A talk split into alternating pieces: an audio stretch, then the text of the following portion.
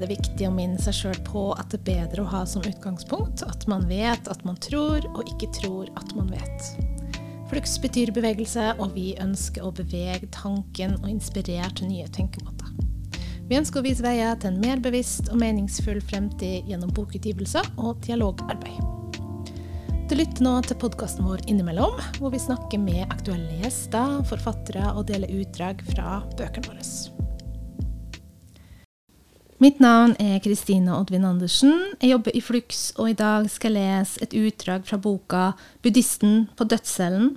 Hvordan en mann fant lys der det var som mørkest, av David Sheff. Innledning. Jeg sitter i en støpt plaststol på den ene siden av et lite bord overfor en mann som heter Jarvis J. Masters.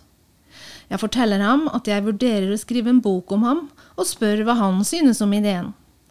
Jeg understreker at hvis jeg går videre, vil jeg bruke det jeg finner, både det gode og det dårlige. Det stemmer for en drapsdømt. Jeg mener, legger han til, se hvor vi sitter.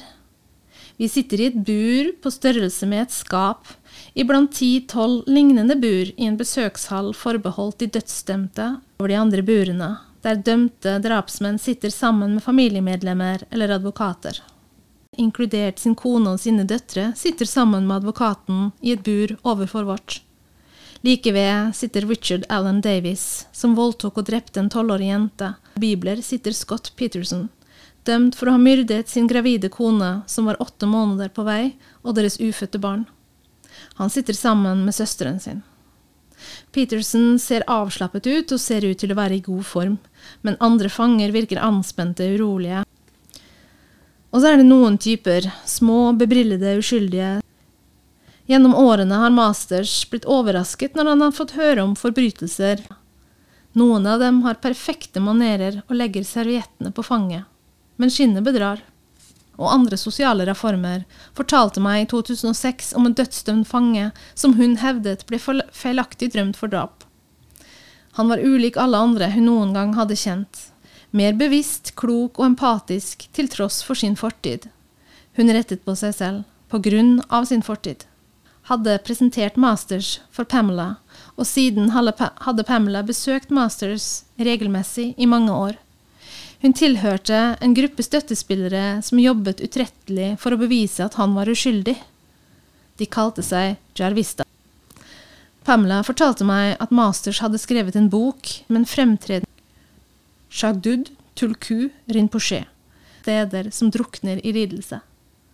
Pamela hevdet at Masters faktisk var en godhetens kraft i San Quentin, som underviste de innsatte i buddhisme og gikk til tider mellom og avverget voldelige sammentreff.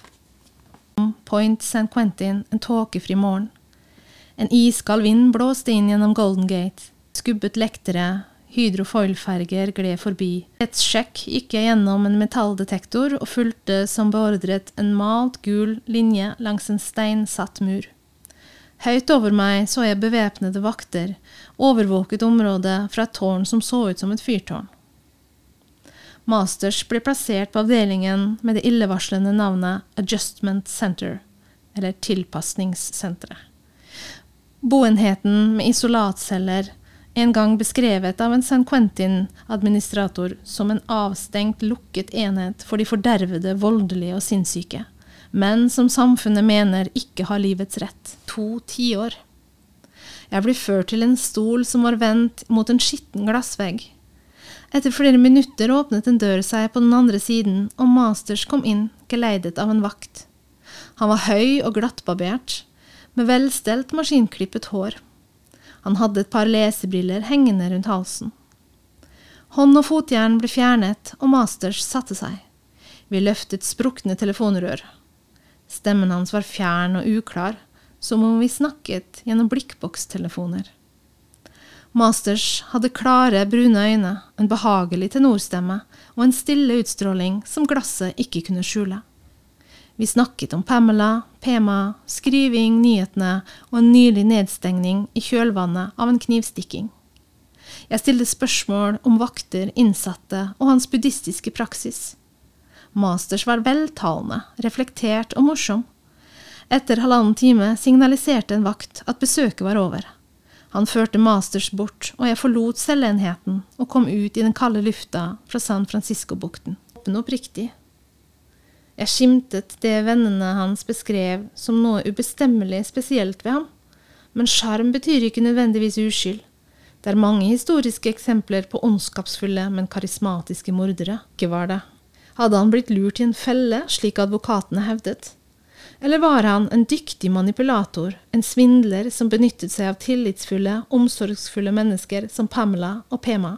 Opplyst, praktiserende buddhist som hadde både endret og reddet liv. Det var slik støttespillerne hans beskrev ham. Det er buddhister i mange fengsler. Det finnes innsatte fra alle trossamfunn som har blitt født på ny. Var Masters virkelig annerledes? Jeg avsto fra å dømme ham på godt eller vondt, men han fortsatte å fascinere meg. I årene som fulgte, holdt Pamela meg oppdatert på det som hendte med Masters. I 2007, etter 22 år, ble han løslatt fra isolat og flyttet til en mindre restriktiv celleenhet, fortsatt på avdelingen for dødsdømte. Året etter giftet han seg i en seremoni ledet av Pema Sjødrøen. I 2009 ba Pamela meg om å skrive en omtale av den andre boken Masters skrev. Hun fortalte meg også om den pågående ankeprosessen. Hun tvilte overhodet ikke på at han ville bli frikjent, det var bare et spørsmål om tid. I 2015 døde Pamela av en sjelden sykdom.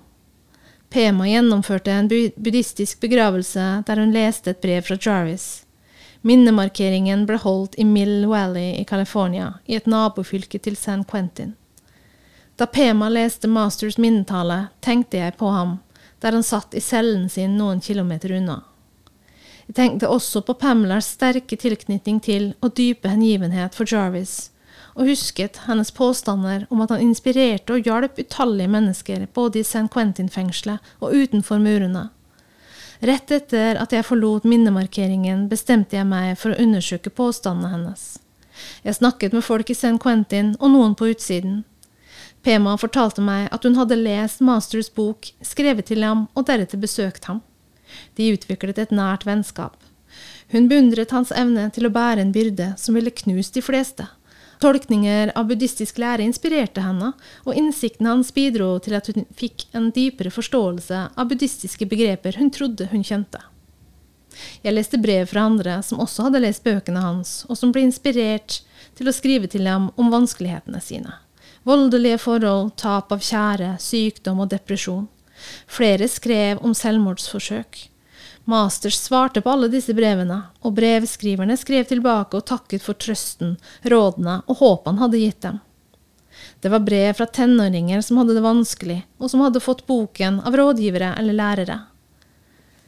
Lærere på videregående skoler som hadde gitt klassene sine i oppgave å lese Masters bok. Watts, en av de fattigste bydelene i Los Angeles, sa at boken til Masters ble stjålet oftere enn andre bøker i hyllene hennes. Jeg fikk også bekreftet at Masters hadde forsvart fanger som ble truet med vold fordi de var homofile, ble mistenkt for å ha sladret på andre innsatte, eller på annen måte hadde kommet i konflikt med fengselets brutale regelverk og praksis. Jeg snakket med mennesker, inkludert en betjent, som sa at Masters hadde stoppet dem fra å begå selvmord. Betjenten fortalte meg rakk mye, og han avskydde jobben sin. Vakten innrømmet at han behandlet innsatte som avskum, og at det var slik han betraktet dem. Han vedgikk at han hadde planlagt å ta sitt eget liv.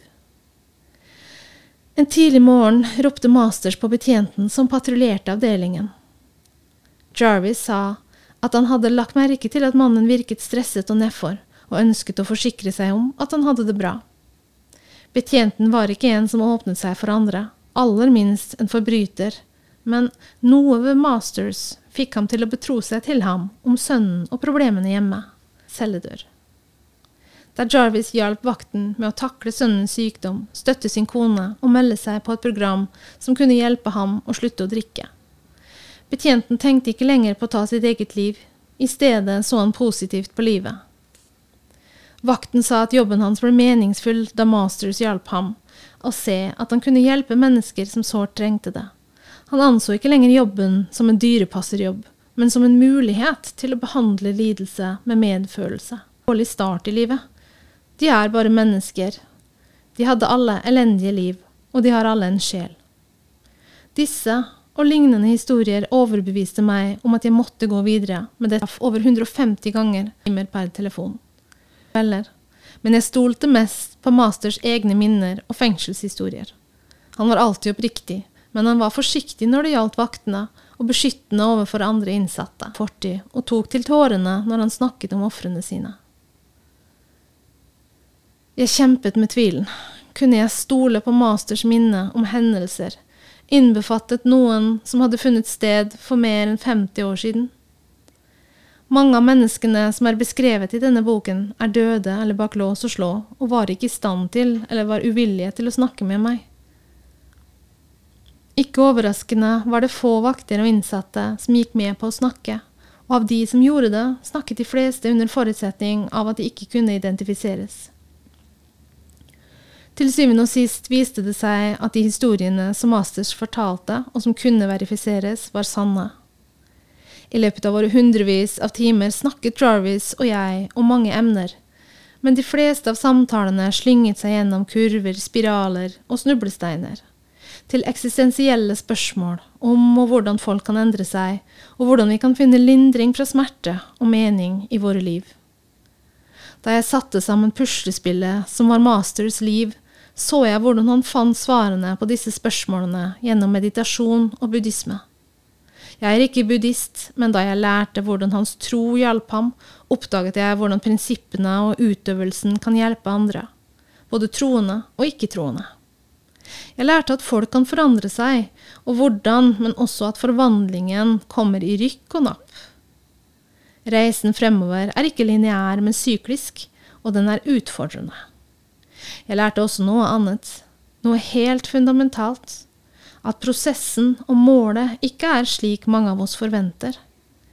I stedet for å jobbe for å endre vår sanne natur, må vi finne den. I stedet for å løpe fra lidelsen, må vi komme den i møte. Masters hevdet aldri å ha sett et lys eller bli født på nytt. Han avviser de som omtaler ham som en lærer. Han vred seg da jeg fortalte ham at folk beskrev ham som opplyst. Jeg vet ikke engang hva det ordet betyr, protesterte han. Og han understreket at han er den siste personen som bør betraktes som talsmann for buddhismen og de spesielle utfordringene han opplevde som dødsdømt. Mens Masters taklet de indre og ytre utfordringene, fikk han innsikt i problemer mange av oss sliter med, og over tid forsto jeg hvorfor folk sa at han inspirerte dem. Masters historie beveger seg gjennom skremmende huler og langs ensomme elver. Fortvilelse, traumer og annen lidelse, mening og visdom. Igjen og igjen har jeg følt Masters inspirerende kraft, og jeg håper jeg kan dele noe av den kraften på sidene her. Du har nå innimellom alle dagens gjøremål lytta til noe som vi håper har bevega tanken din. Du kan lese mer om Flux og vårt arbeid på flux.no. Der vil du også finne mer informasjon om alle våre bøker og prosjekter. Du kan også følge oss på Facebook og Instagram. Musikken som du hører i bakgrunnen er laga av Olve Flakne, spesielt til oss i Flux.